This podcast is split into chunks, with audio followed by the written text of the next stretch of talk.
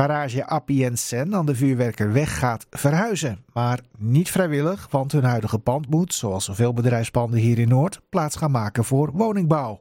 De zaak loopt al vanaf 2016, maar nu lijkt er dan toch een oplossing te zijn gevonden. En daarom gingen we langs bij de garage en praten met Ozan Sen.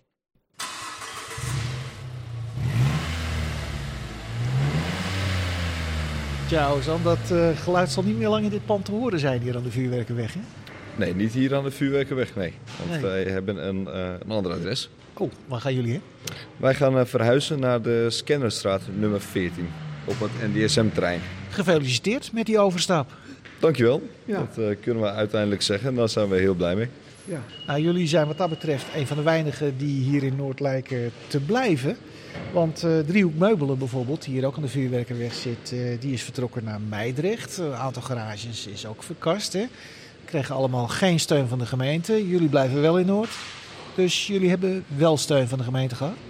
Uh, nee, wij hebben zeker geen steun gehad van de gemeente. De nieuwe locatie hebben wij gevonden op eigen initiatief. Wij zijn natuurlijk zelf ook heel lang bezig geweest om een andere locatie te krijgen. En uiteindelijk is het uh, via ons eigen netwerk gelukt. En met een ondernemer gesproken, uh, onderhandelen. Dus dat is allemaal vanuit ons geregeld. En niet vanuit de gemeente, absoluut niet. Was die steun wel toegezegd? Die steun is zeker toegezegd. Uh, vooral veel meer inspanning. En ook nadat fouten waren toegegeven, ondanks dat ze eerst werden ontkend. Zelfs op wethouderniveau, een wethouder van Economische Zaken, die heeft uh, tijdens een uh, gemeenteraadsvergadering uitgesproken dat hij een speciaal team zou opzetten. En zij zouden alleen maar kijken voor Appie en Sen om toch een, een geschikte nieuwe locatie te vinden. Alleen dat speciaal team is denk ik in de afgelopen twee, tweeënhalf, misschien drie jaar niet verder gekomen dan een paar linkjes vanuit fund en business. Het, ja, het, het, is gewoon niet goed geregeld, nee. nee. Uh, nou klagen andere garagebedrijven hier op het terrein, die ook allemaal uiteindelijk weg moeten, van ja, eigenlijk moeten ze bij APNC nog niet al te hard klagen. Ze hebben tenminste nog een fatsoenlijk bedrag gehad voor hun uh, eigen pand. Voelt u zich ook een van de gelukkigen?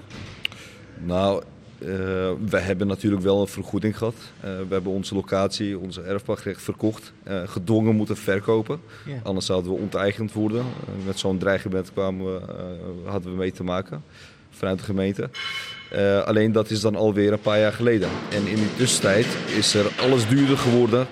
En uh, is alles gestegen qua prijs, inflatie. Dus uh, we hebben er wel de hoofdprijs betaald ervoor. Alleen ja, dat is niet zo makkelijk gegaan als misschien mensen denken. En sterker nog, wij maken het juist misschien makkelijker voor andere garagebedrijven. Omdat er zoveel ophef over is geweest. Ja, nou heeft de gemeente het probleem inderdaad wel erkend. Misschien ook wel dankzij uh, jullie situatie. En die hebben nu een persbericht uh, uit doen gaan waarin ze zeggen, ja, we kennen het probleem. Er komt een half miljoen voor een uh, ja, gezamenlijke corporatie die goedkope bedrijfspanden moet gaan uh, verhuren. Zou dit voor jullie wat betekend hebben?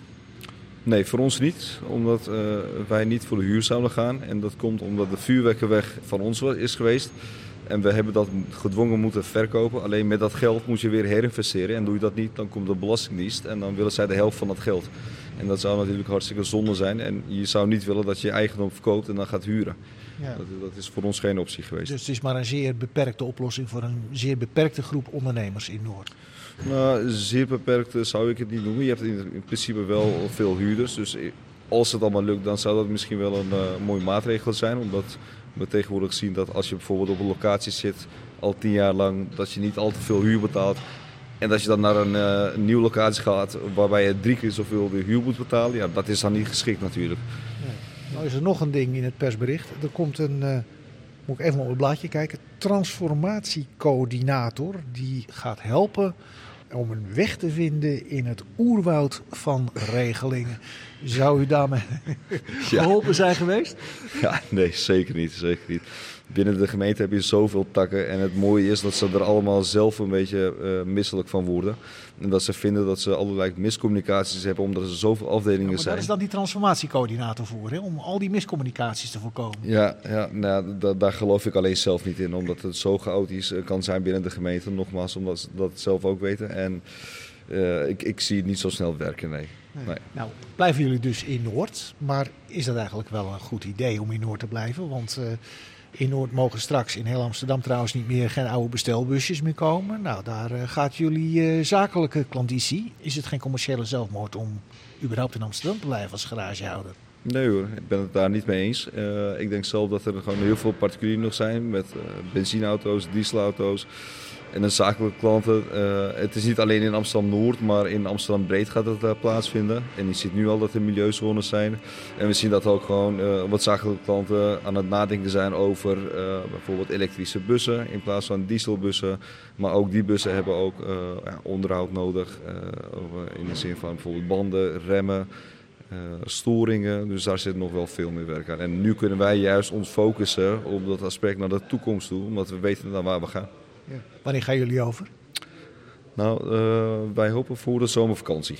Nou, heel veel succes. Ja, bedankt. En uh, wij zijn er ook heel erg blij mee en wij kijken uit naar een feestje met onze klanten.